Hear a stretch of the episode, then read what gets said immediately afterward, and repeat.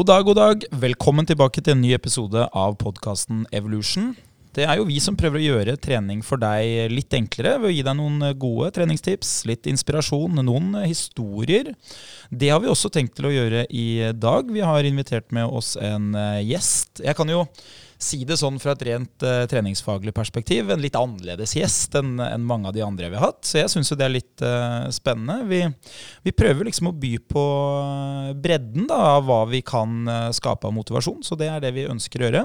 Før vi går dit, velkommen til deg, Sindre Antonsen. Jo, mange takk. Mange takk.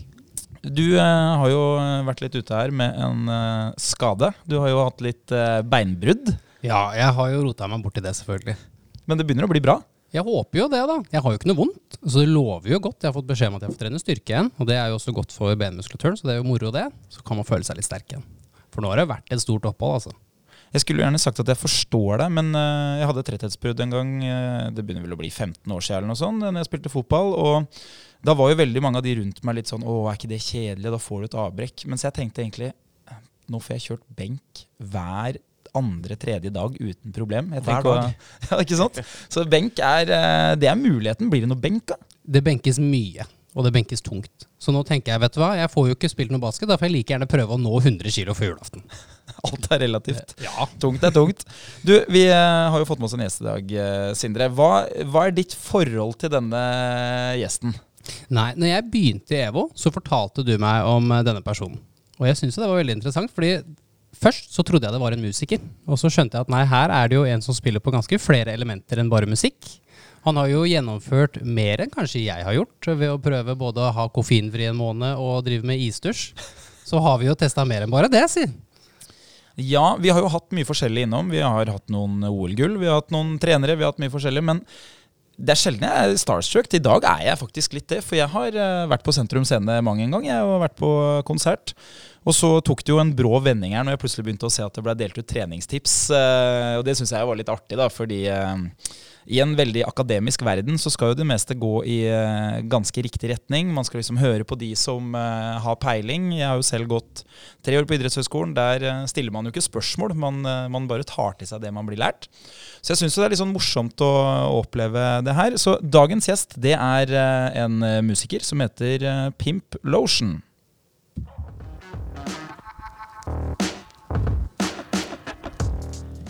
Velkommen eh, til oss i eh, podkasten Evolution. Takk, takk. Du, Hvordan eh, navn liker du at vi bruker på deg? Jeg foretrekker Lotion, jeg tror jeg.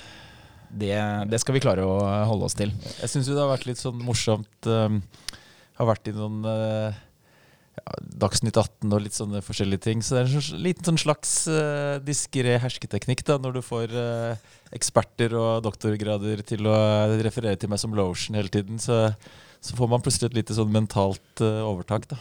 Jeg må jo si det. Nå har jeg hørt noen av de uh, debatter eller uh, intervjuer. da, og det, det, er jo veldig morsomt, fordi uh, man blir jo satt ut. Det, det, er vanskelig å holde seg til sak når, når det er innledninga. Når man sier lotion.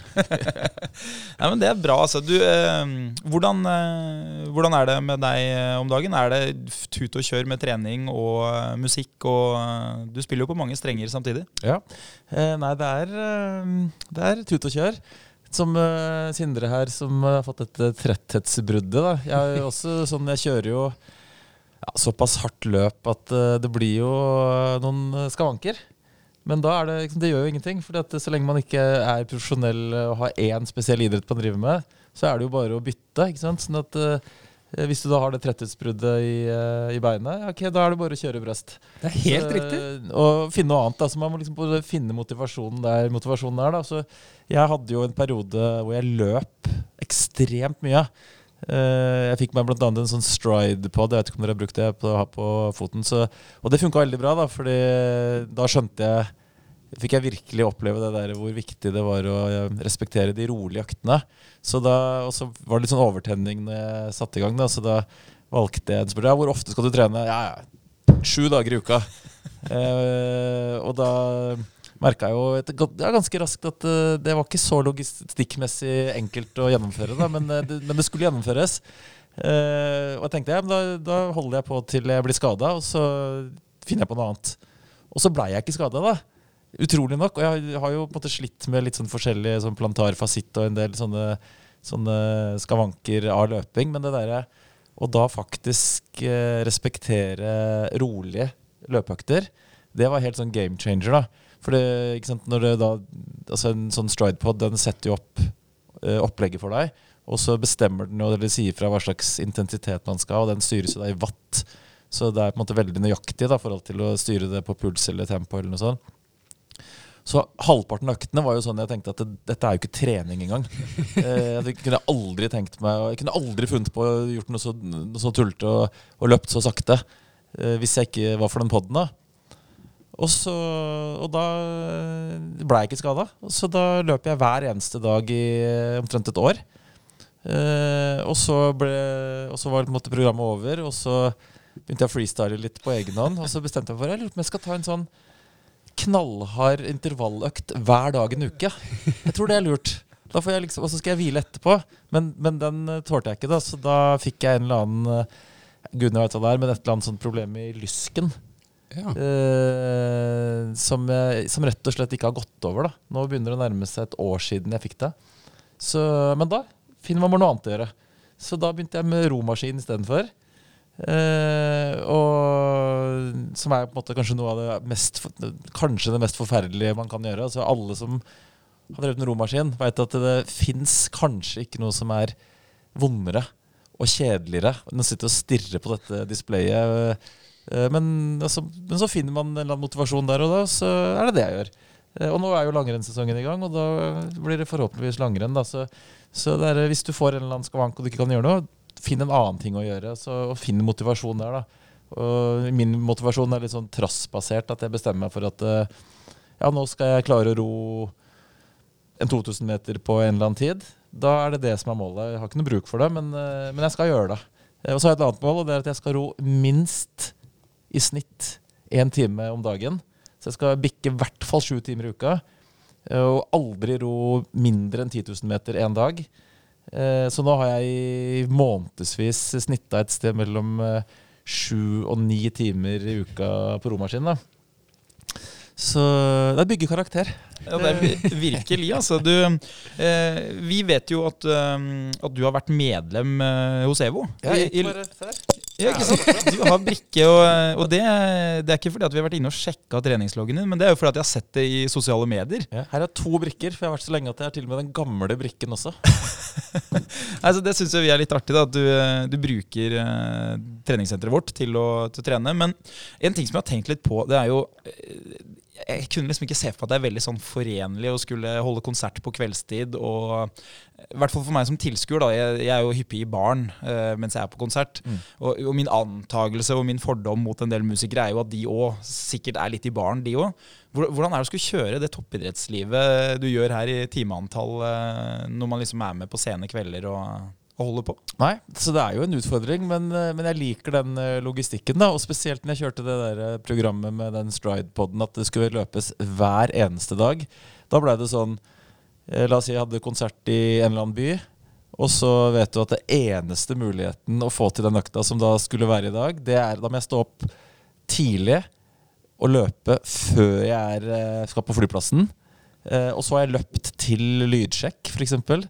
Eh, jeg har løpt eh, fra konsert. Eh, jeg har til og med løpt inne på Dyreparken i Kristiansand. Jeg har løpt inne på Liseberg. Og en gang faktisk ganske sånn ting jeg husker ganske godt. Jeg hadde, skulle ha en spillejobb oppe på Ullevålseter. Og da var det lydsjekk på dagen, da. Og da kjørte jeg opp til Sognsvann. Så jogga jeg opp til Ullevålseter. Og når jeg da kommer opp den siste bratte bratte kneika opp til uh, Ullevålseter her, da, sånn ganske sliten, så har han uh, Tor Endresen lydsjekk, og så synger han uh, I am the champion. Så bare kommer jeg opp liksom løpende der, så hører jeg bare I am the champ Eller We are the champion. Kanskje, We are the champ Sånn uh, følte jeg at jeg var liksom en del av en musikkvideo til den låta. Da, sånn, litt sånn rocky. Uh, hvor jeg bare Da følte jeg meg som en champion, da. Så, men det er det som er greia. ikke sant, at man må ikke se på begrensningene, man må se på mulighetene. Så noen kunne jo tenkt at nei, jeg, i dag kan jeg ikke løpe fordi jeg har lydsjekk. Jeg tenkte nei, i dag kan jeg løpe fordi lydsjekken er eh, på Ullevålseter. Og da, Da kan jeg bare kombinere de to. Ja, for du har jo en, du har en vanvittig gjennomføringsevne. Det er jo det som, eh, som ligger til grunn her. da, ikke sant? Eh, er det sånn at du Stiller du deg aldri spørsmålet har jeg lyst til å gjøre det her? Er det, er det sånn at du våkner hver morgen og tenker at jo, jo, det her skal skje? Jeg har ikke lyst. Jeg, faktisk så er det, det er litt det som gjør at jeg gjør det. Fordi jeg, jeg tenker at er sånn, eh, altså Hvis jeg ikke har lyst, da skal jeg i hvert fall gjøre det. Så hvis, det er, hvis jeg la oss si, en sjelden gang eh, vurderer å ta meg en, en fridag, da, så skal ikke det være en dag det er fint vær. Fordi at eh, hvis, jeg- hvis jeg sånn der, jeg titter ut vinduet og så bare Nå sludder det. Det er skikkelig surt og, og ille. Da skal jeg i hvert fall ut. Fordi det, det skal ikke være en unnskyldning. Jeg skal, jeg skal ikke unnskylde meg til å ikke trene fordi det er ubehagelig. Så hvis det er ubehagelig, da skal jeg i hvert fall gjøre det. Og så kan jeg heller ta en hviledag eh, den dagen det var litt digg, så jeg, så jeg på en måte sånn så jeg i hvert fall ikke kan skylde på at jeg gjorde det fordi jeg feiga ut. da Så, så jeg er litt sånn der, jeg har liksom en sånn saying da, at hvis jeg la oss si ute og går på ski i 20 minus, eller, eh, eller eh, ute og jogger når det er helt forferdelig vær, og så, liksom, så spør jeg hvorfor er du ute og jogger nå i det været her? Jo, fordi du er ikke det! Fordi da skal i hvert fall jeg gjøre det. Så jeg blir litt sånn inspirert av at det er tungt, da. Eh, man, må litt, man må oppsøke litt eh, motstanden. Og det, og det er samme med romaskingreiene òg. Det bygger karakter. Så når man da velger på trass å oppsøke det som er ekstra tungt, så blir jo resten av dagen eh, utrolig enkel. da. Det, det her høres jo mistenkelig kjent ut, Sindre. Du har jo vært mye med meg i mange år. Kjenner du igjen det her? Det gjør jeg så absolutt. Trass. Trass. Nei, det er jo noe med det å, um, som du beskriver som karakterbyggende, da, det at du gjennomfører ting du ikke liker. Og I mange år så har jo det på en måte også vært min greie at da blir resten av dagen så enkel. Mm. Altså hvis du, mm, Jeg hadde i mange år en dag hvor jeg hadde en 10-12 PT-timer på rad. eh, Og det er jo klart, det er ikke fysisk tungt av PT-timer, men eh, når du møter liksom menneske nummer 10, 11, 12, og du skal sørge for å levere en profesjonelt god time, så begynner man jo å, bli litt lei av det. Og den dagen hadde jeg også da intervalløkter, gjerne 10 ganger 1000 eller noe sånt. Og da husker jeg sånn utover ettermiddagen så tenkte jeg bare jeg slipper å dra tilbake på den friidrettsbanen, så kan jeg holde på hele natta med det her. Så det er jo det er noe i det. altså. Hvordan eh, er ditt forhold til det, Sindre? Å gjøre ting du ikke har lyst til? Ja, det er noe jeg setter veldig høyt. Og det er jo litt sånn, jeg har jo det I oktober så prøver jeg å kjøre en måned hvor jeg skal gjøre noe som er vondt, og noe jeg virkelig misliker. Så hvert år nå så har det jo blitt sjokolade og koffein. Det må vekk, for det er det jeg er mest glad i hverdagen. Og så skal jeg isdusje hver dag i tre minutter. Og det er jo, Man kan godt snakke om helsefordeler, at det ligger noe der, men det ligger mer i å bygge karakter. Hvis jeg starter dagen min med å gjøre noe som er så ubehagelig, og jeg ikke får den kaffekoppen som jeg egentlig gleder meg til Når jeg har lunsj, så tenker jeg åh, nå skal jeg få kaffe etter lunsjen. Nei, det skal du ikke. Du må finne en annen grunn til å stå opp og smile. Du skal være i like godt humør, så skal du være like mentalt sharp. Så hvordan skal du da løse dette problemet? Sove mer. Mer struktur i hverdagen. Og så ender du opp etter en måned siden og ser tilbake og tenker wow, det blei jo egentlig ganske bra. Jeg fikk trent mer, jeg fikk bedre resultater. Og det å da gjøre noe som kanskje føles litt tungt i uke én, er jo det som gjør at du blir så god i uke fire. Ja, og det er jo det som eh, du sier der også med å sove bedre og sånn, fordi eh, hvis man kjører så hardt, da, sånn som du prater om med tolv klienter og eh, intervalløkt i tillegg, så er jo Altså, man kan ikke bare drive rovdrift, fordi restitusjon er jo da akkurat like viktig. Altså, du må trene hardt, og så må du restituere hardt. Eh, sånn at eh, Det må man ikke glemme oppi det her. da Hvis man velger å kjøre sånn trassløp hvor det er eh, relativt eh, hardt løp, så må man også være veldig bevisst på og da, altså restitusjon, da. Både med kosthold og søvn og ja, ikke sant, sånn at det Ellers så bryter du deg bare ned. Altså Trening er å bryte ned kroppen, og så må du jo da restituere sånn at du faktisk uh, blir sterkere av det. da Det er jo helt Northug-metoden, det å være bajas på trening, men uh, bajas i hvile òg. Mm. Hvor, eh, hvor kommer dette her fra? Når, når var det liksom Holdt du på sånn her som barn nå? Når var det treninga ble en så viktig stor del av livet?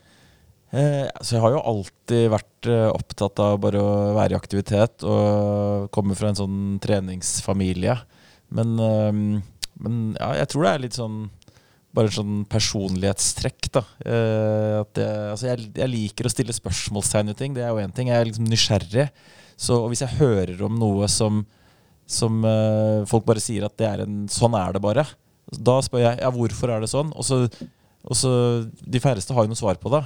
Eh, Så det begynte jo med noe sånn så tidlig som at i gymtimen når da læreren sa du må tøye ut. Ja, hvorfor det? Nei, fordi det må man. Ja, men hvorfor det? Nei, det, sånn er det bare. Så bare sånn, men da, det, det kjøper jeg ikke. Det, så det kan godt hende man må tøye ut, men eh, jeg vil vite hvorfor. Så det er jo egentlig sånn det har, eh, har bare utvikla seg. da At hvis jeg hører om noe, en ting som jeg enten syns bare høres helt crazy ut, så vil jeg teste det ut. For jeg kan ikke drive og synse noe om noe jeg aldri har prøvd før. Og hvis jeg hører om en ting som jeg på toppen av alt ikke syns er logisk, altså det er ikke noe sunn fornuft i det, da vil jeg i hvert fall sette meg inn i det og prøve å finne ut av er det faktisk sånn.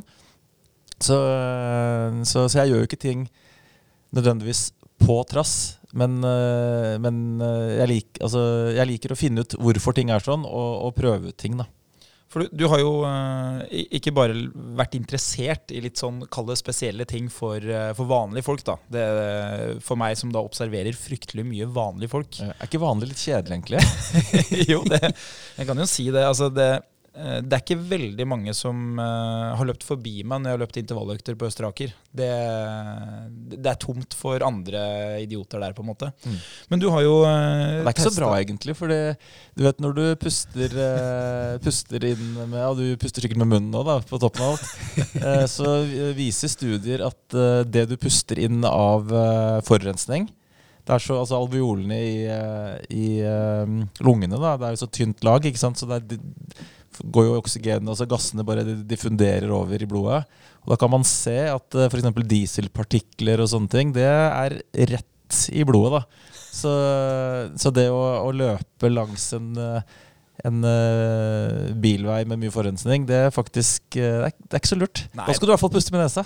Da skal jeg puste med nesa. det. Det er jo noe som skal ta oss alle. Mm. Så om det er eh, dieselpartiklene på Østeraker, så til tider så er det nesten greit, tenker jeg. Men uh, det er jo selvfølgelig ikke noe som jeg gjør ofte. Det er uh, Hvis du skal kontrollere et eller annet midt på vinteren. Da kan du jo røyke og ha intervalløkt samtidig. Ja, det var jo en kar som løp, eh, løp for noe? To 2,25 på maraton mens han sigga borti Japan her, eh, så Ja. det var jo spektakulært.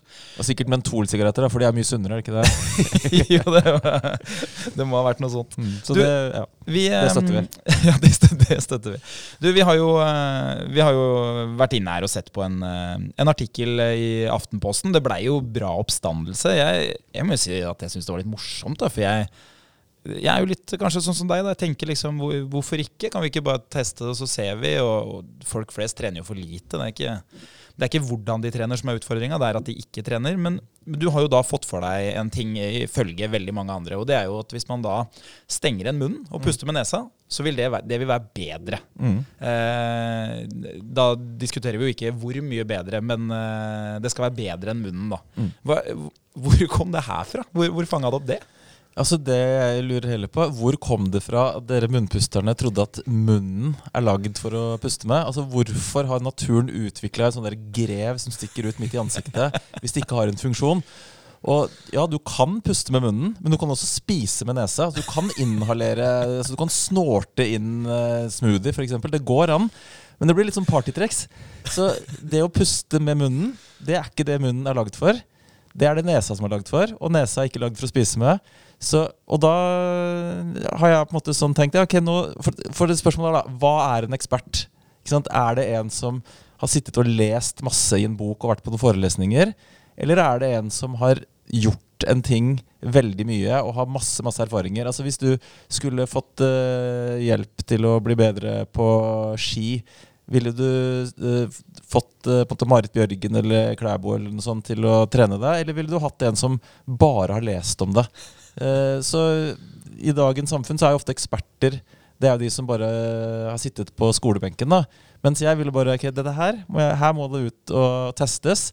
Og jeg har jo da konsekvent pusta med nese når jeg trener, når jeg sover og i all våken tilstand nå i, i flere år. Så sånn sett så vil jeg kanskje sånn eh, ydmykt si at eh, jeg føler meg litt ekspert på, på nesepust.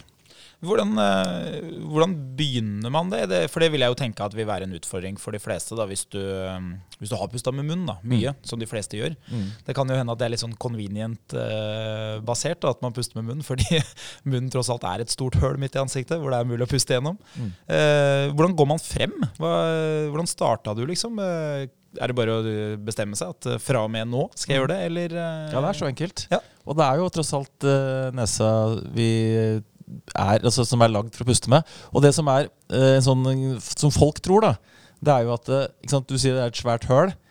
eh, Så tror folk at jo mer man puster, jo mer oksygen får du. Men fakta er at jo mer du puster, jo mindre oksygen får du. Så folk generelt sett puster for mye om dagen, og så puster de for lite om natta. Og begge de eh, gjør at du får mindre oksygen ut i kroppen, mindre oksygen til hjernen. Og det, ikke sant, Hvis du f.eks. tar og, og altså Det å puste for mye heter å hyperventilere. Og en sånn, Hvis du overtar en skikkelig kraftig hyperventilering, da, hvis du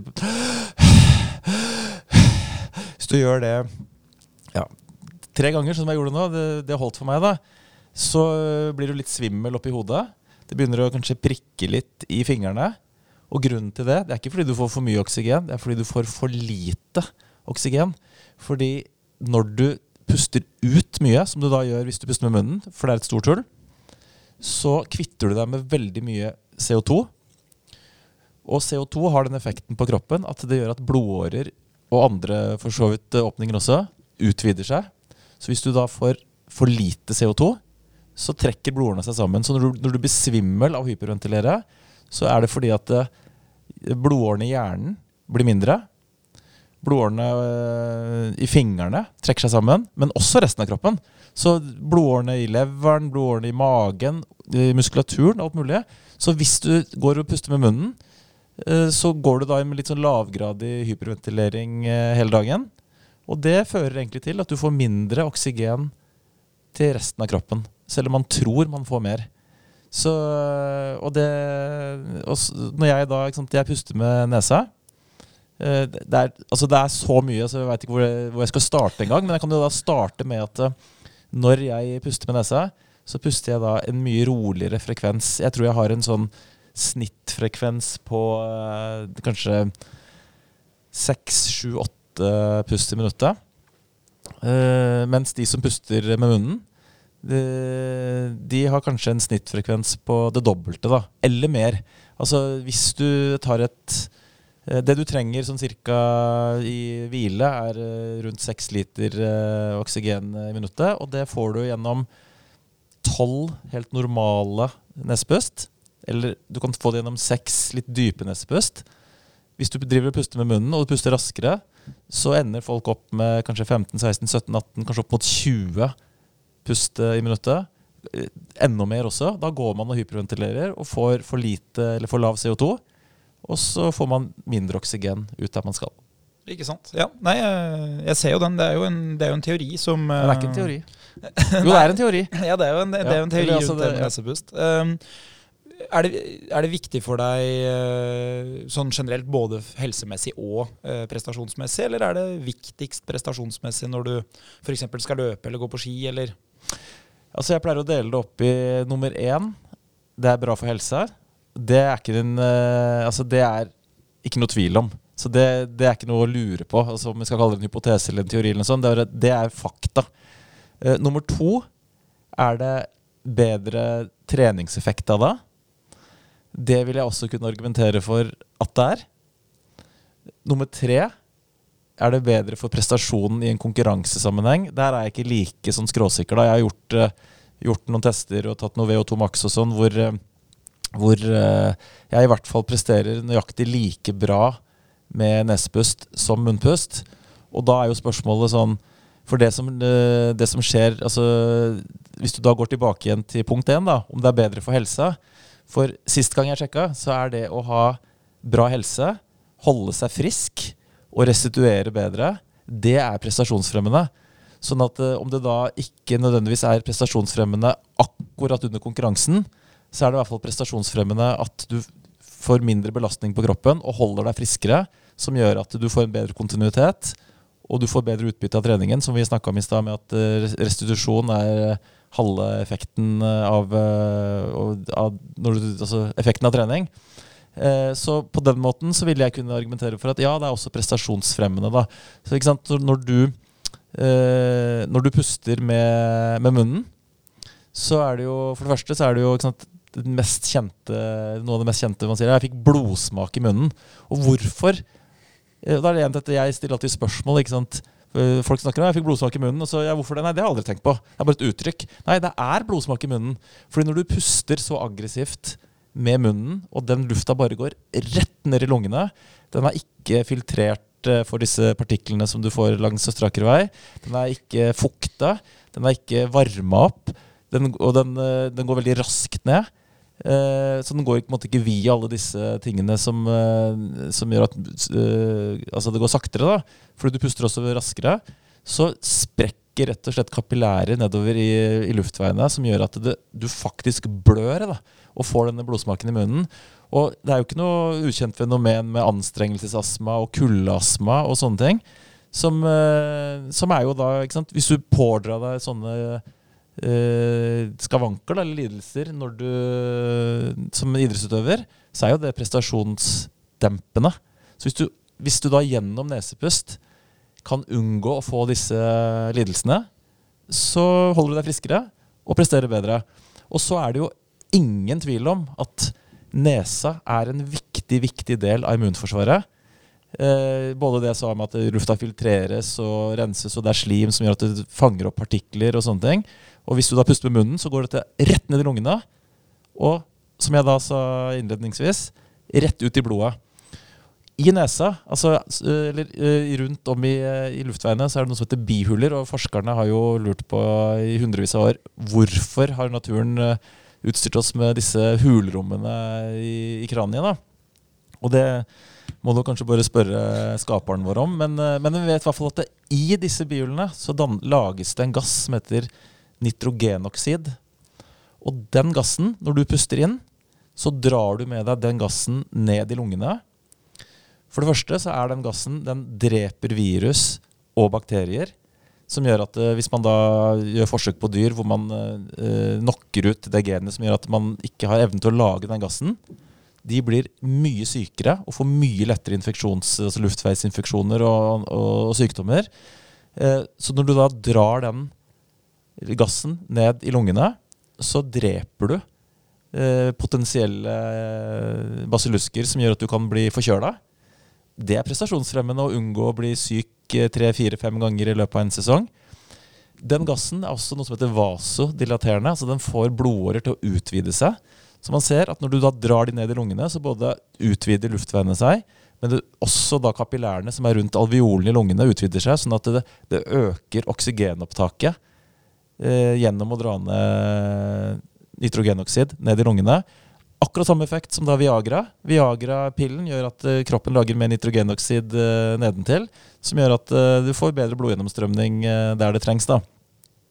Så, så, tilbake til spørsmålet. Hvorfor er vi utstyrt med disse bihulene? Jo, det kan faktisk bl.a. være for å bedre, eller for rett og slett for lungefunksjonen. da. Og hvis du puster med munnen, så bypasser du hele den effekten der, som da uh, naturen har brukt millioner av år på å utvikle. Og så puster du med munnen istedenfor, og så får du ikke alle de kjempegunstige effektene som nesa er spesialisert for å gjøre, både for immunforsvar og for, uh, for lunger og oksygenopptak. Ja, Eh, hvis jeg husker riktig, så så jeg jo at eh, det var jo noen ute her eh, som var ute og støtta uh, den teorien, ikke sant? Uh, og som var til dels ganske enig. Mm. Og så var det jo noen som var, om ikke rykende uenig, da, så var de i hvert fall nok uenige til å ha lyst til å stille opp. Hva, hva er det de sier for noe? Hva, hva, er motstanden, egentlig? Det er et godt spørsmål. Jeg er litt usikker. Jeg tror det bare bunner i at um, veldig Altså litt svakheten med dagens akademia, da, det er at eh, Hvis du går liksom noen hundre år tilbake i tid, eller hundre, så kunne på en måte så Einstein og en del sånne ting De hadde liksom litt som Birds Eye View. da, de kunne, litt, de kunne fysikk, de kunne kjemi, de kunne biologi. Mens nå blir alle så spesialiserte at de sitter med nesa rett nedi boka, og så får de ikke en sånn oversikt over hvordan ting fungerer i kroppen som en helhet. da. Så egentlig så er det sånn dette med nesepust det involverer De som burde kunne noe om det, er da liksom øre-nese-hals-spesialister. Men de kan ikke noe om lunger. De kan ikke noe om eh, utholdenhetstrening. Tannleger burde vite mye om det, fordi at eh, nesepust, eller det å puste med munnen, det, for det første så gjør det at eh, kraniet og kjeven forandrer øh, øh, Altså hvordan den blir bygd opp, sånn at munnen blir mindre. Som igjen fører til at du får eh, eh, altså Hvis du ser nå, så det, det vanlige nå er jo at eh, tenner til, eh, til folk eh, ikke har plass i munnhull lenger. Og da, liksom, Folk tror ja, det er sikkert man har for store tenner. Nei, du har for liten munn. Eh, og det ser man at det er bare noe som har skjedd de siste 300 årene. Eh, og det å puste med munnen, det gjør at munnen tørker ut og får en annen pH-verdi, som gjør at eh, en stor årsak til at folk får hull i tennene og tannkjøttsykdommer, er munnpust. Sånn at det, det burde tannleger vite, men eh, de er mest opptatt av sukker.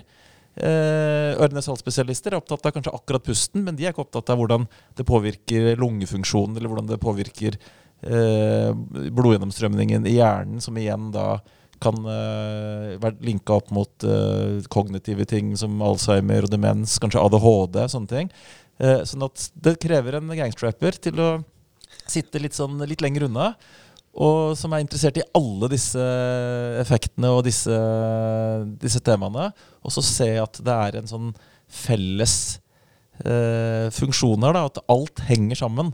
Så eh, hvorfor noen eh, ikke tror på dette her, det tror jeg bunner i at de rett og slett eh, er litt for snevert opptatt av bare noen sånne noen detaljer på detaljnivå, og ikke har helt uh, the bird's eye view, da, som det heter på godt norsk. Ikke sant? Ja. Nei, det er jo spennende tanker, altså. Det, det må jeg si. Um, det jeg så her om dagen, var jo at uh, de er i gang på idrettshøyskolen med et forskningsprosjekt. Mm. Hvor de rett og slett tester uh, det med munnpust og nesepust. Mm. Det jeg antar, Nå har ikke jeg satt meg veldig nøye inn i det, men jeg antar jo at de tester det opp mot hverandre. Jeg vet ikke, Har du sett Jeg skulle jo egentlig være med, men pga. den, eh, den lysken da, som jeg har løpt for meg, så, så kunne jeg ikke bli med, for det var jo løping på mølle. Og jeg prøvde å se om de kunne gjøre det at jeg kunne ro på romaskin. Men siden du er kobla opp mot uh, Altså du, er- du er kobla til uh, en kanyle inn i, eh, inn i blodårene og litt sånn forskjellig mens du holder på, så blei det for uh, logistikkmessig vanskelig å sitte og ro med dette, dette greiene. da. Men, eh, men eh, jeg skal faktisk, i hvert fall det som er planen, er at eh, når eh, selve eh, forsøket er ferdig, så skal de ta en egen test på meg da, eh, og sjekke litt forskjellige ting. Eh, men igjen, akkurat det forsøket Jeg synes det er veldig spennende at eh, man setter i gang med å, å forske på dette. Men det er også sånn eh, sånt, Og det gjelder all forskning. Veldig mye av det, i hvert fall. Er, er så, her finner du ut et, noen få ting. Så du vil ikke gi noe svar på eh, om det er eh, altså det, I hvilken grad det er prestasjonsfremmende eller ikke. fordi at de kan kanskje finne ut av hva slags, hvordan det påvirker VO2 max. eller noen sånne ting. Men alle vet jo at det er VO2 max, du kan ikke se på det som en eh, i, i, Altså isolert sett, da. Det er ikke sånn at eh, den som har høyest VO2 max, vinner hvert eneste løp.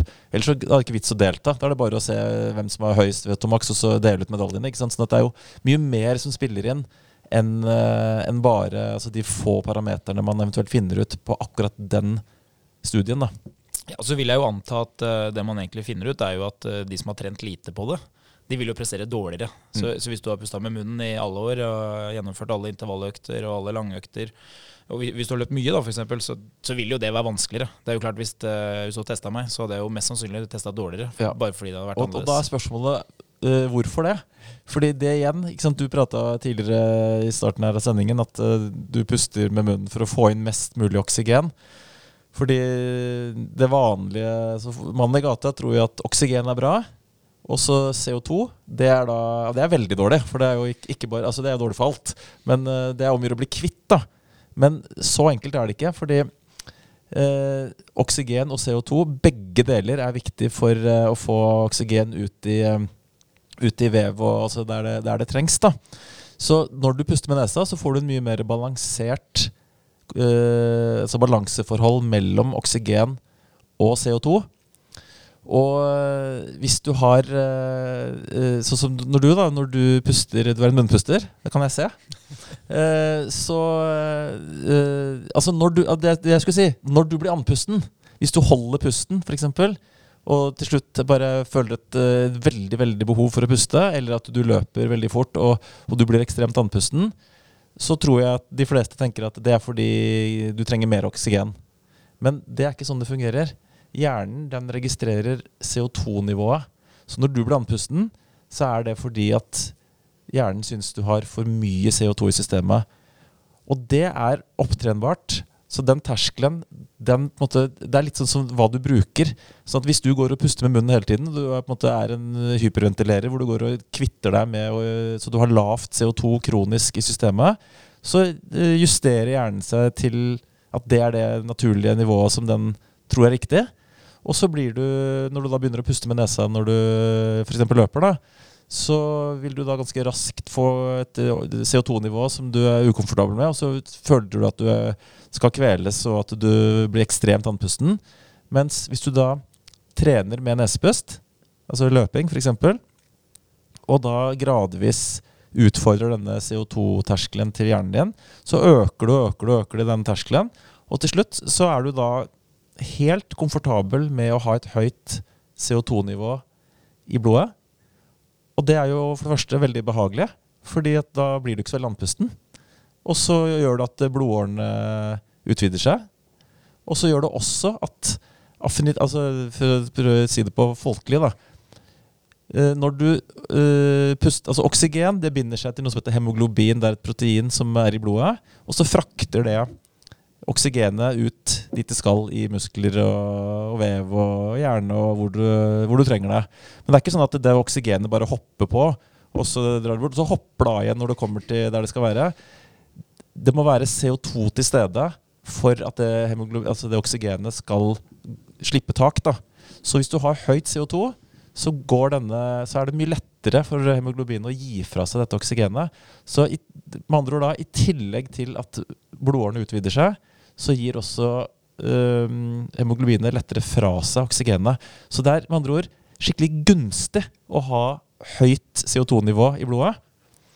Eller i hele kroppen, da. Og det får jeg gjennom min nesepust, for da, da er jeg ute og, og løper eller går på ski. Og så har jeg gradvis vent meg til å puste med nesa, sånn at uh, kroppen blir komfortabel med å ha et uh, høyere og mer riktig. For poenget er det er nesa er til å puste med. Sånn at det er ikke sånn at da får jeg et altfor høyt CO2-nivå. Nei, for det, eh, eh, du får et riktig. Siden da det er nesa på en måte sånn Da puster du sånn som du er ment å puste. Så øh, når jeg da på en måte utvikla mitt uh, høye toleranse for, uh, for CO2, så kan jeg Altså, i går gikk jeg langrenn. Uh, Da gikk jeg, så sjek, sjekka jeg pulsen min etterpå. Da hadde jeg gått med 170 puls. Jeg har vel 180 som makspuls. Da gikk jeg med 170 puls i motbakkene opp uh, i, i Bærumsmarka. Og uten å være andpusten.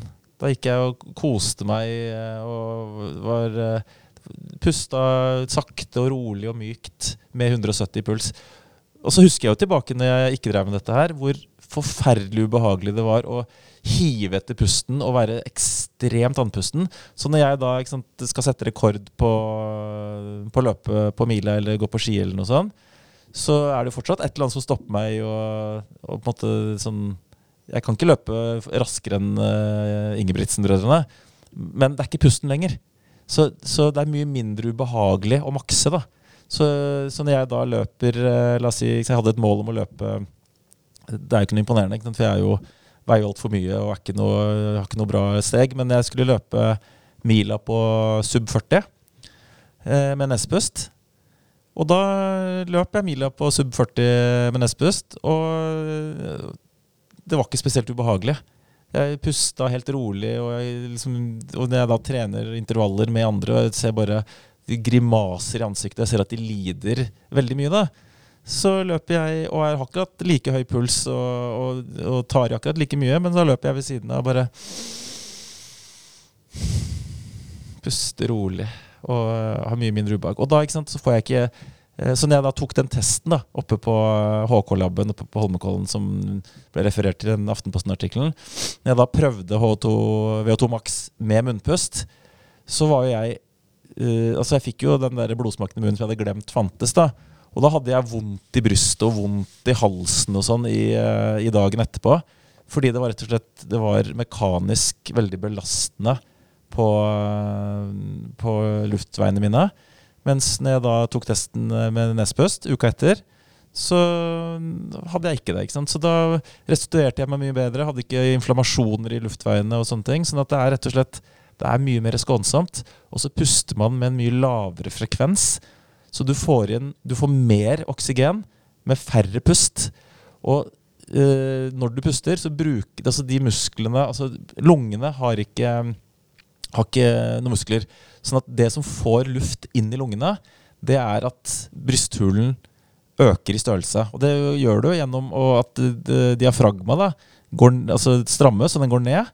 Eventuelt også at uh, de musklene, altså interkostellærmusklene mellom eh, ribbene, også utvider seg, sånn at du får en større volum i brysthulen. Det koster muskelkrefter. Og hvis du da puster mange færre pust i minuttet, og roligere, så trenger de musklene mye mindre oksygen. Så du blir mindre sliten i de musklene. Og det som skjer, er at det, de, hvis du puster veldig aggressivt, og, og bl.a. diafragma da trenger mer oksygentilførsel, så tas den oksygentilførselen fra beina. Så når du blir veldig sliten, så kan du bli veldig eh, mør og mo i beina og, miste kraft i beina. da.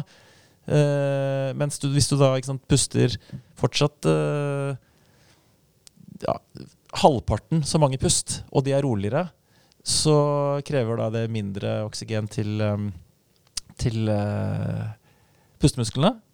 Og så kan du heller uh, få den oksygenet ut til de musklene som faktisk uh, trenger det til uh, å prestere. Spennende. Du, Jeg tar med meg et par eh, ting her. Det ene er eh, under 40. Det, jeg syns jo det er eh, imponerende. Eh, nå har jeg jo løpt med startnummer mange ganger og sett mange som løper. og det, eh, det er ikke mange som har kommet i mål eh, på eh, sentrumsløpet f.eks. når det har gått eh, 40 minutter. Og jeg løp solo, da. Altså Hadde jeg løpt på hytteplanmila eller noe sånt med hare, så, så hadde jo Så jeg tror jeg kanskje hadde 38 inne, eller noe så Jeg er ganske sikker på med riktig, eh, ikke verst, altså. riktig Og nespust. Ja, og det, det som jeg tenker litt på um, Jeg prøver å liksom kjenne meg igjen i det du beskriver. Da, jeg, jeg, skjønner jo hva du mener her. Um, Kan, kan det sammenlignes litt med det å øve på å holde pusten? Altså Når du snakker om at ubehaget blir lavere fordi eh, Hvis vi nå skulle begynt å holde pusten, så ville jeg etter 30 sekunder kjent på et vanvittig ubehag eh, av det du beskriver, hvor um, eh, reseptorene som da måler CO2 i blodet, de, de vil jo si fra ikke sant? At, eh, at det er for mye CO2 her. Og det er jo veldig trenbart. Det er, folk kan jo holde pusten i evigheter uten å kjenne på det ubehaget, eller da tåle det. Så det, det er litt det som, eh, som gjør at ubehaget ikke blir så stort når du, Ja, når du altså det, det, Ubehaget blir jo stort hvis du får for høyt CO2 i blodet, Mm. eller i, i vevet. Men poenget er hvor, hvor er den terskelen? Sånn at eh, For noen så kommer det ubehaget etter 30 sekunder, og så for en fridykker så kommer det ubehaget etter eh, 8 minutter. Så det går jo ikke på at eh, de fridykkerne er så utrolig gode til å tyne dette ubehaget i så mange minutter. Når de først når sin, eh, sin altså De blir sikkert gode på det, da, for du kan jo bli god på alt. Men, men det er ikke sånn at de også etter 30 sekunder begynner at det blir ubehagelig. Det er jo bare at det tar mye lengre tid før eh, de når terskelen sin, fordi de har trent opp en veldig veldig høy terskel. Så, så ja, det er opptrenbart, og det er det jeg gjør. Så, så jeg, altså når du først nevner det, jeg trener jo med, når jeg holder pusten òg. Så jeg har jo Altså det er jo eh, For dette er samme effekt, bare at kanskje enda, enda råere effekt. da Så jeg har en del sånne enten Hvis jeg er ute og går, f.eks., så pleier jeg sånn alltid Så skal jeg i hvert fall en liten periode. Så når jeg kommer til en lyktestolpe, så puster jeg ut. Og så holder jeg pusten til da eventuelt neste eller neste eller neste lyktestolpe. da eh, For å trene opp eh, CO2-terskelen. Det, dette er det gjort studier på også, faktisk. Det derre hypoksisk eh, trening, da, hvor man trener gjennom å holde pusten. Så simulerer det egentlig i ganske Altså i stor grad høydetrening, da. Og som også da Altså en viktig effekt av dette her er at det gjør at det er lettere å, å buffre Du buffrer bedre hydrogenioner i blodet. Altså, eh, på folkemunne eh, melkesyre. Så du, du får mindre melkesyre, da. Selv om sant, det, det er ikke det det egentlig er. Men, eh, men for at folk skal forstå det. Så det gjør at du, du får mindre melkesyre av nesepust også. Ja, ikke sant. Uh, sånn rent treningsfaglig så vil jeg jo s- ta, ta med en utfordring. Hvis du kjenner mindre på ubehaget, eh, som du beskriver, da, du kan da ha eh, relativt høy intensitet målt i hjertefrekvens over en lang periode uten å få de der klassiske, eh, klassiske signalene om at det her er ganske hardt for kroppen. Det, må jo bli litt vanskelig kanskje hvis man da ikke er villig til det å følge en sånn metode som du beskrev i starten med eh, strydmål, hvor du hadde veldig lav intensitet mye. Det må jo bli lett at man kanskje trener litt hardt. Nei, jeg Sånn vil selv si motsatt. Hvis, hvis noen nå hadde gått over til Å og prøvd altså bare, nå skal jeg, altså, Du, neste november eller oktober, var det det? Ja. Kun nesepust en hel måned. Du, hvis du skal prøve noe ubehagelig.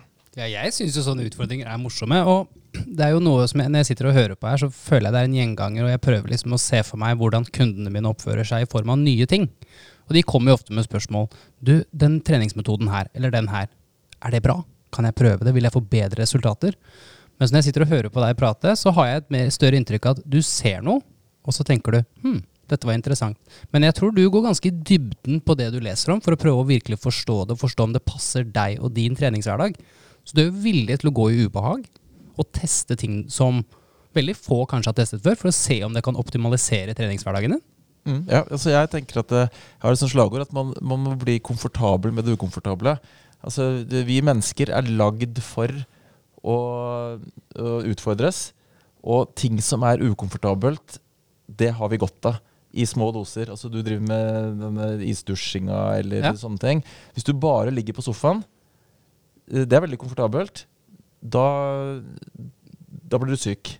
Så du må utfordre kroppen, og du må ha ubehag i visse doser. Og så må du restituere, da. Så man skal ikke være så redd for ubehag. Man skal liksom brette opp ermene litt og bare sånn øh, Åpne liksom, Enig. altså, Tål litt ubehag. Ja, Ikke vær redd for det. Men tilbake til dette med nesepust, da. Uh, en som starter med, la oss si, hvis det skulle vært en kondistrening, da. En som starter med nesepust, er jo helt, helt nødt til å gå ned på, på intensiteten, for ellers så klarer de ikke å gjennomføre det. Så egentlig, altså, for de som ikke har gjort det så mye, så er da nesepust en sånn kjempebra intensitetsstyring.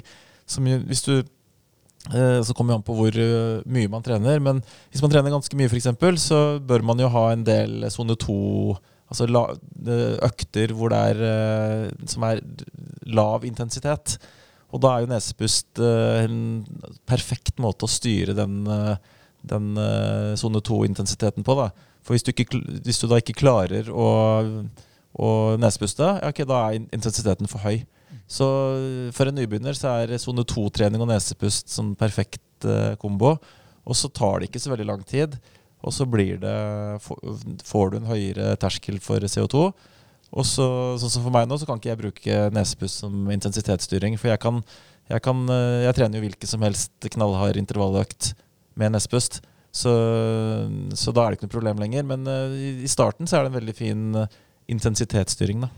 Ja, ikke sant? Ja, for den ser jeg jo, så det var det jeg tenkte at når, um, når du beskriver din opplevelse, så må du jo Der blir jo de fleste redde av at det er helt forferdelig. Ja, Altså, så nei, det, og det bør jo ikke være forferdelig. Mm. Eh, jeg syns egentlig ikke trening skal være forferdelig, annet enn et par ganger i uka. Eh, eh, men eh, Og så kommer vi an på hva er målsetningen med treningen, og hvorfor trener man. Det viktigste med trening, det er jo kontinuitet. Sånn at hvis du trener og det er altfor forferdelig, og det gjør at du, du bare klarer noen, noen uker, og så er det mange uker off, og så er det liksom okay, Da er det bedre å trene roligere, sånn at du faktisk får en eh, kontinuitet. Da. Så jeg har jo også sånn eh, en sånn annen eh, Når det kommer til styrketrening, så trener jeg egentlig bare fire minutter. Eh, for, altså det er litt flåste, for det blir ofte litt mer da, oppvarming og sånn. Men, men eh, jeg trener styrke hver eneste dag. Og det er fordi at uh, jeg, jeg trener såpass kort.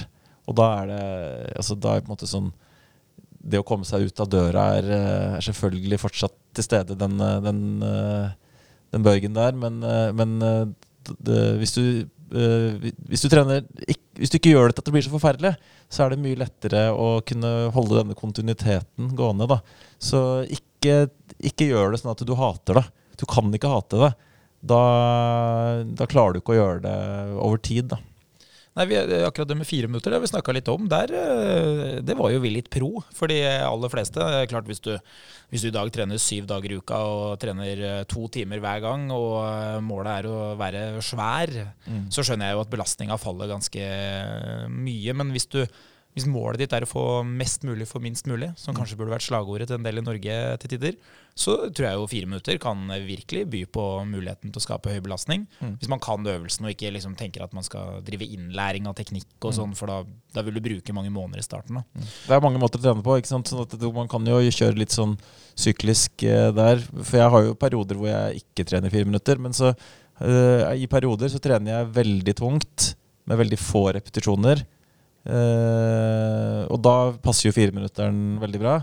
Og så går det kanskje andre perioder hvor jeg har litt annet fokus, og da blir det lengre økter, da. Mm. Men det trenger ikke å være Altså, man, hvis man ikke liker det, så vil man heller aldri drive med det på sikt. Så man må like det. Man, hvis man ikke liker at det er veldig ubehagelig, så bør det heller ikke være veldig ubehagelig. Nei, men det, det støtter jeg veldig, altså. Eh, du, apropos ubehag. Du har gått ti mil uh, skøyting mm. I olabukse. Mm. Uh, og uten mat og drikke. Ja. Og med teip på munnen. Og teip på munnen. Hvis du skal rangere ubehaget av de ulike elementene for uh, helt vanlige folk, hva, hva er verst? Jeg, jeg, må si jeg frykter litt olabuksa, kanskje. Ja. Eh, ja, altså jeg hadde sånn tulleuttrykk at 'make langrenn gangster again'. At man sånn, få det litt uh, røffet opp litt. da Eh, men akkurat det med olabuksa er mest Eller det er kun humor, da. For egentlig så er det det desidert styggeste jeg ser.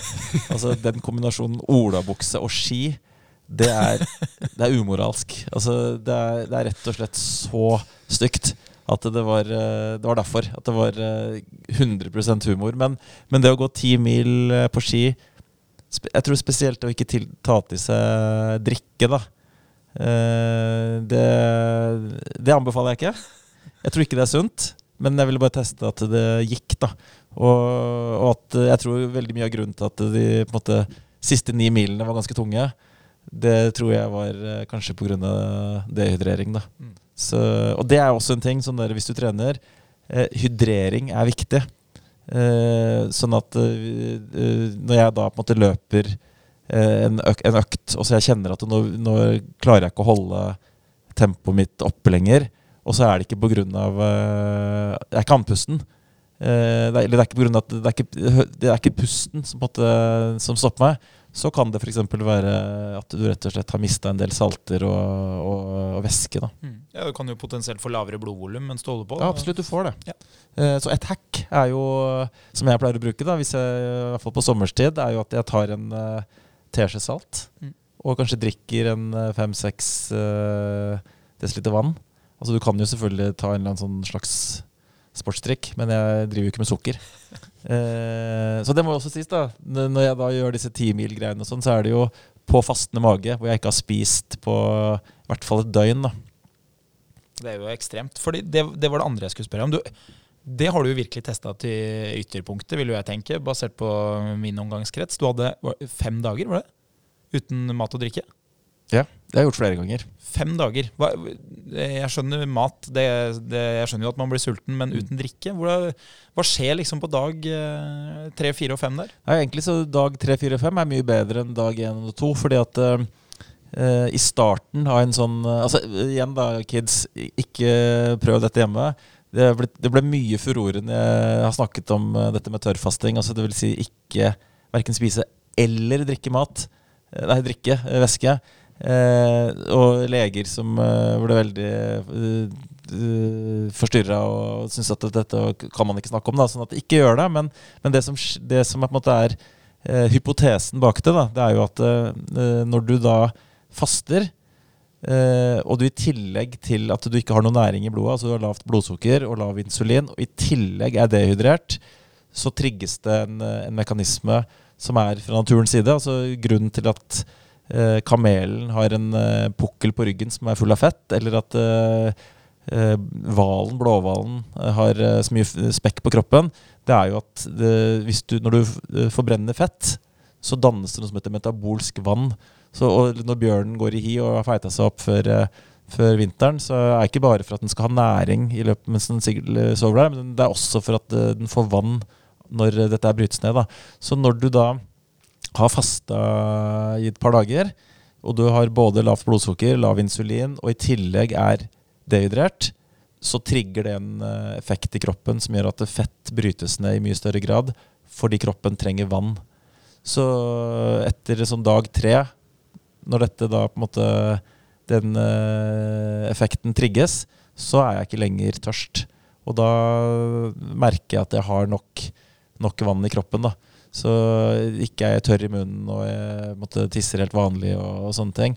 Eh, men altså, det, dette er så kontroversielt at det, det vil jeg på ingen måte anbefale noen å prøve. Men det er en del sånne gærne russiske leger blant annet, som har klinikker som, som driver med tørrfasting som en sånn eh, eh, måte å, Som en sånn helsebringende effekt. da, Å behandle en del sykdommer og sånn. Ja, Om ikke, så kanskje de pasientene kommer ut og er villige til å finne seg annen type behandling etterpå. Ja, kanskje. Men, eh, men det bygger karakter. ja, det, det vil jeg jo virkelig påstå. Det, det er jo noe her som eh, jeg syns er motiverende og spennende, og det er jo det vi håper da med å, å legge inn en sånn type episode. At folk kan finne noe de syns er eh, interessant. Men jeg vil si en ting, da. For at uh, dette med nespust ikke sant? Når vi pratet, når vi prata om nespust uh, altså i forbindelse med trening Og der føler jeg jo at det, sånn, det er jo litt nisje, og jeg skjønner at det er ikke for alle. Men å puste med nesa når du sover, det burde vært mainstream. Det burde alle gjøre. Eh, det man ser, er at eh, altså, Tilbake til dette her med hvorfor sover vi? Hvorfor har naturen gjort det sånn at det er en tredjedel av livet vårt så er vi i en, eh, i en tilstand hvor vi er helt eh, bevisstløse?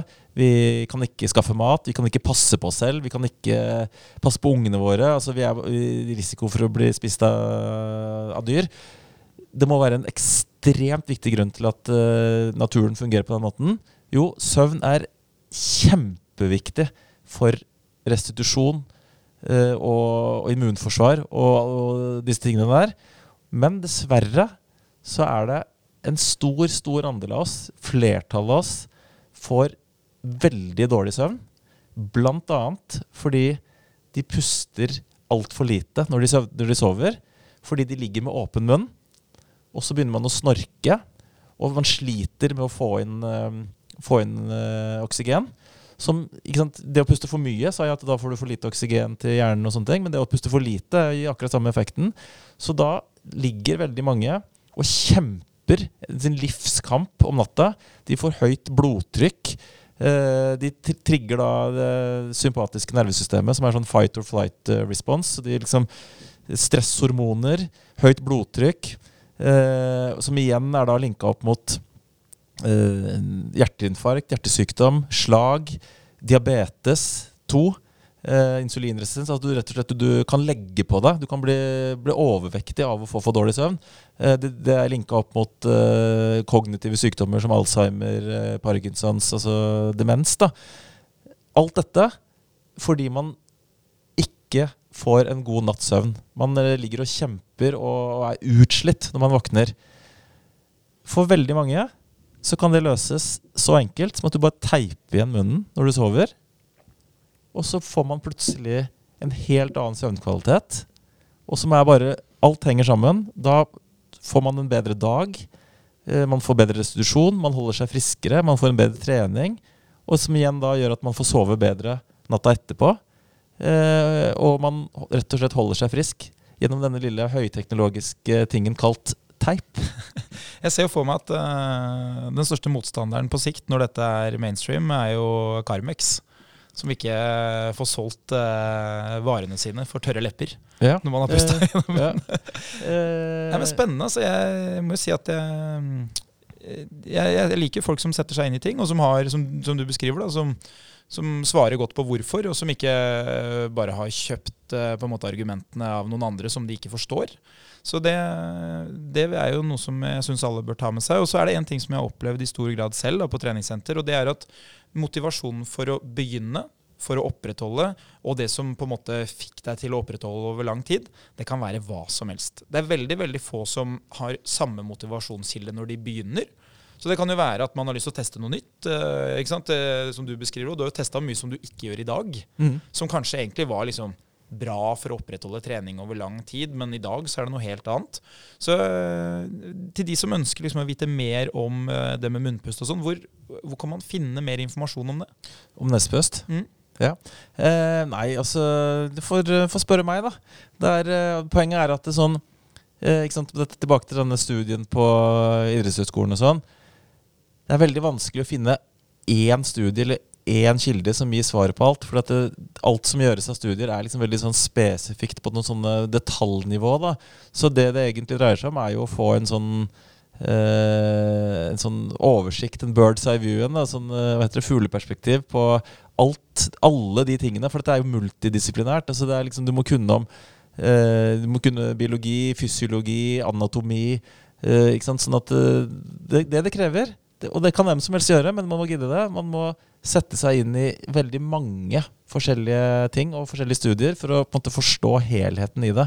Så, så Og den det, Jeg tar en for laget der. Så det, det gjør jeg, og det setter jeg meg inn i. Så dette her eh, kan har jeg lært ganske mye om. Og vet hvordan de forskjellige mekanismene fungerer. Så litt vanskelig å si hvor man skal gå for å få tilsvarende informasjon. Men eh, det er bare å sende meg, send meg en melding på VIPS. På Vipse.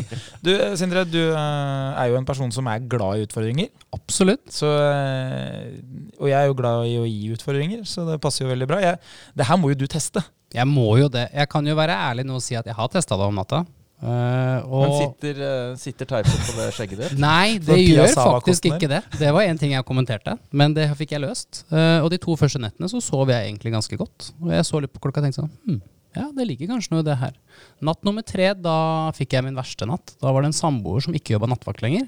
Og hun snudde seg da til meg mens jeg hadde den teipen rundt munnen. Og jeg har aldri hørt noen skrike så høyt og være så redd. Og da våkner jo jeg brått også og sier vet du Jeg sier jo egentlig ikke så mye. Jeg, hm, det er munn, det er munn. munn Ja, det kan være en idé å fortelle om det. Så Innså ikke det ser ut som. Hannibal Lecter fra uh, Nattsvermeren. Det var akkurat det det blei. Ja, nei, vi tester det her. Jeg har lyst til å gjøre det sjøl òg. Jeg sliter jo ikke da med en sånn Pia Sava-kost under nesa som du har, så jeg, den sitter nok mye bedre eh, hos meg. Eh, Jeg var røykdykker i Forsvaret, eh, og da fikk vi testa litt sånn eh, At man skulle gå en sånn trappetest med, med oksygen. da. Og det husker jeg var skikkelig ubehagelig i starten, fordi der må du jo trekke eh, lufta ut av tanken. For det, det, det går ikke av seg sjøl. Det er jo det som er hele meninga. Og det var så uvant i starten at de fleste fikk litt sånn ordentlig ubehag av det. Men det jo blei bare borte etter hvert når man eh, øvde på det. Så jeg, jeg ser for meg at det kan være litt sånn eh, litt utfordrende i starten fordi det er uvant, og så eh, vil det nok flyte greit. Så det blir Ja, det er noen som hevder at de kanskje At de får litt sånn Klaus-følelse av det. Og sånn, så, eh, altså, poenget er at eh, hvis du er Du må ha den riktige anatomien for nesepust. Så hvis du klarer å bare s- liksom, sitte, lukke munnen, eh, plassere tunga oppunder eh, bak fortenna, oppunder ganen, og kanskje la tenna berøre hverandre litt. Det er, det er det som er den stillingen munnen bør være i når du ikke snakker eller spiser. Hvis du blir vant til den stillinga, eh, så er det sånn altså Da vil, det være, vil du bli veldig vant til Da vil du ikke tenke over at du har teipa munnen, for da har du bare plassert eh, Altså Da har du tunga og munnen i den stillingen som du føler er den riktige utgangspunktet for eh, å sove. Men hvis du da på en måte har eh, ikke Hvis du går med åpen munn til daglig, så vil jo da det føles veldig annerledes og skal plutselig ligge med, med lukket munn. da. Så du må kanskje sånn, Og det er også greia? Hvis hvis du begynner å venne deg til å puste med nesa på dagtid, så vil det Da vil det bli lettere Da vil du også kanskje lettere naturlig gjøre det på natta, som gjør at du kanskje ikke trenger teip engang. Men i hvert fall så vil den stillingen som da munnen er i, føles naturlige. Og da tenker du ikke over at du har en teip der. Så jeg tenker ikke over det i det hele tatt. Fordi at eh, jeg ligger da med munnen akkurat i den stillinga jeg har den på dagtid også. Eh, Av ren nysgjerrighet, når du, når du trener, trenger du, trenger du teip i dag? Eller? Nei, nei. Jeg har aldri trengt teip når jeg trener. Det gjør jeg bare for å litt, sånn statement eh, under spesielle eh, Hvis det er en happening, da. Mm. Men noen gjør det. Eh, fordi at de ikke har disiplin nok til å holde munnen lukka. Eh, eller hvis du driver med en aktivitet altså Når jeg løper og går på ski, så er det så monotont at jeg, sånn du bare det, det, er ikke noe sånn Du glemmer deg ikke. Men hvis jeg hadde drevet med tennis eller en eller annen aktivitet hvor det er liksom mye tjo og hei, og du liksom kan glemme deg litt, da uh, vil jeg kanskje si at uh, det kan være en fordel å teipe igjen som en påminnelse om å ha lukka munnen. Men personlig, hvis jeg løper eller går på langrenn eller gjør noen sånne ting, så, så holder jeg bare munnen lukka. Da. Men det er mange mange som kontakter meg og sier at de teiper når de trener kondis, fordi at hvis de ikke gjør det, så, så, går det fem minutter, og så har de glemt det. da. Mm. Jeg regner jo med det at, mm. at, det blir, eh, at, det blir, andre ting som er viktigere da, når du blir sliten, enn å huske det. kanskje. Ja. Men om natta, når man ligger er bevisstløs, så har man jo ikke kontroll på dette. Og det som skjer, ikke sant, er at det, fordi man er en kronisk munnpuster, så gjør det at da tonusen i muskulaturen i kjeven annet, ikke på en måte har den den er litt slapp, da. Som gjør at med en gang du sovner, så bare detter munnen åpen av seg selv. Sånn at når du også skal teipe igjen, det er ikke noe sånn Det er ikke noe gisselsituasjon hvor man skal virkelig låse igjen munnen. Det er bare litt som skal til for at munnen da ikke faller åpen. Og har jo, jeg har vært med å utvikle en sånn uh, munnteip som eh, altså på, på, en måte kan jeg si at For det funka for meg i årevis. Så det, funka det fint med å kjøpe en eh, rull på apoteket. Som uh, jeg da tok en liten stripe over leppene, og det funka veldig bra. Uh, med visse sånne Visse negative ting, som at noen av dem hadde Noen falt av for lett, så det løsna i løpet av natta. Eller noen hadde for sterke lim, som gjorde at jeg grua meg til å dra den av på morgenen. Og så er det noen med skjegg som det ikke sitter så bra på. Eh, sånn at den teipen som da jeg har vært med å utvikle, den har en sånn eh, utforming som er, gjør at den sitter bedre for Den er litt ekstra stor, så den sitter eh, bedre for de med skjegg. Og så er den stretchy og har et lite hull i midten som gjør at det både går an å drikke hvis du, hvis du trenger det, med sugerør. Og det er eh, lettere å mumle gjennom teipen, da. Sånn at det går an å, å snakke hvis du først har um, har teipa igjen. Eh, det er også faktisk en ting, når vi først var inne på å drikke. Det er også studier på at uh, når du nesepuster, uh, så Eller motsatt, når du munnpuster, så slutter kroppen Eller den reduserer uh, utskillelsen av et hormon som heter vasopressin. Som er det altså antidiuretic hormon som uh, Ja, for å gjøre det enkelt. Hvis du munnpuster, så må du oftere tisse om natta. Så hvis noen sliter med at de må opp to til tre ganger om natta for å tisse, så kan det hende at eh, de er munnpustere, og at eh, det også kan løse seg gjennom å puste med nesa.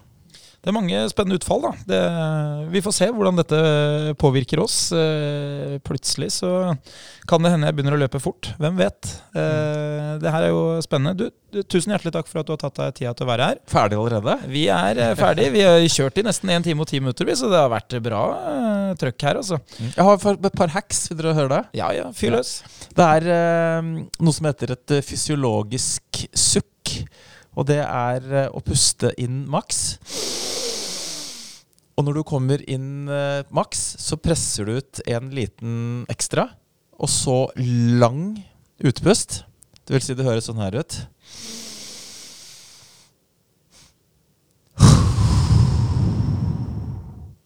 Og det er den eneste vitenskapelige, beviste måten som kan gjøre at du blir kvitt hold. Mm. Spennende. Mm. Så to-tre sånne, så kan det hende du blir kvitt hold. Hold kan være litt forskjellig. Hvis du har det på venstre side, så kan det være Da er det sannsynligvis fordi du har for mye væske eller luft i magen. Har du det på høyre side, så kan det være pga. en nerve som heter nervus frenicus, og da hjelper den hacken der. Ja.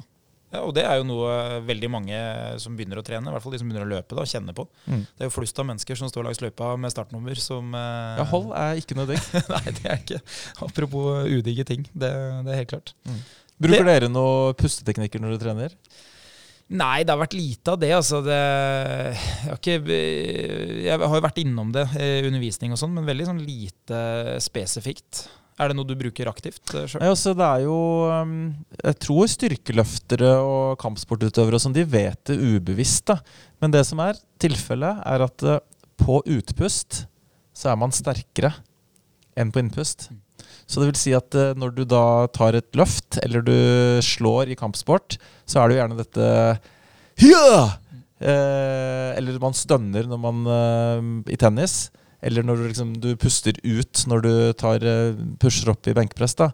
Eh, så ubevisst tror jeg dere kanskje vet det, men man er sterkest på utpust. Ja, ja ikke sant? At det blir størst buktrykk i utpustet? Nei, det er rett og slett uh, altså Det har ikke noe med buktrykk å gjøre engang. Man er bare sterkest av det. Og motsatt så har man bedre reaksjonsevne på innpust. Og HRV har du kanskje hørt om? Vet du hvordan det regnes ut, eller hvorfor vi har uh, HRV? Nei. Nei, sånn HRV er da forskjellen på uh, Hvis du har la oss si, 100, eller la oss si du har 60 da, i puls, mm. så er det ikke sånn at det er akkurat ett sekund mellom hvert slag. Det kan være uh, ett sekund og ett tidel, og så er det ni tideler mellom andre. For når du puster uh, inn, så øker hjertefrekvensen. Og når du puster ut, så går pulsen ned. Og det er forskjellen på de to, som da man utregner HRV. Så vil si at når du puster ut, så roer pulsen seg ned. Og det er bl.a. noe som skiskyttere og skyttere benytter seg av. De skyter på utpust, fordi da roer pulsen seg. Mm. Ja, for det vet jeg jo du kan se når du måler pulsen. Når du puster inn og ut, så mm. kan du jo se forskjellen i hjertefrekvensen. Så mm. det, ja, men det er sant. Det er, ikke, det er, ikke, dumt. Vi har litt å teste, vi, Sindre. Absolutt. Nå har vi kommet til eh, veis ende. Det skjer jo andre ting eh, i løpet av dagen her som vi må rekke også. Du skal ut på ski. Mm. Hvor uh, langt blir det i dag? Nei, det blir vel Jeg har slutta å tracke nedoverbakker, så det blir vel kun motbakker. Og så hjemturen, den gjelder ikke. Alf og Frank er ikke det heter? Roerne. Alf og Frank Hansen. Ja. De skrev jo også av nedovertid i Nordmarka, for det var ikke trening. Ja, helt riktig. Jeg tror også at eh, Thomas Alsgaard ikke tracka nedoverbakker eh, på 90-tallet. ja, Man må ta det fra de som har levert bra. Ja. Du, eh, Tusen hjertelig takk for at du tok deg tida til å være her, og at du har delt av din kompetanse og erfaring. da. Du har jo testa alt det her på deg sjøl. Det er jo, det er jo en, en, tøff ting å gjøre. Det er jo ikke alt som er meget behagelig. Så takk for at du var her. Takk til alle dere som har eh, lytta på, og som har hengt med gjennom hele episoden. Jeg håper vi har kommet med litt motivasjon og inspirasjon til din eh, treningshverdag. Vi høres igjen om eh, ikke mange dagene.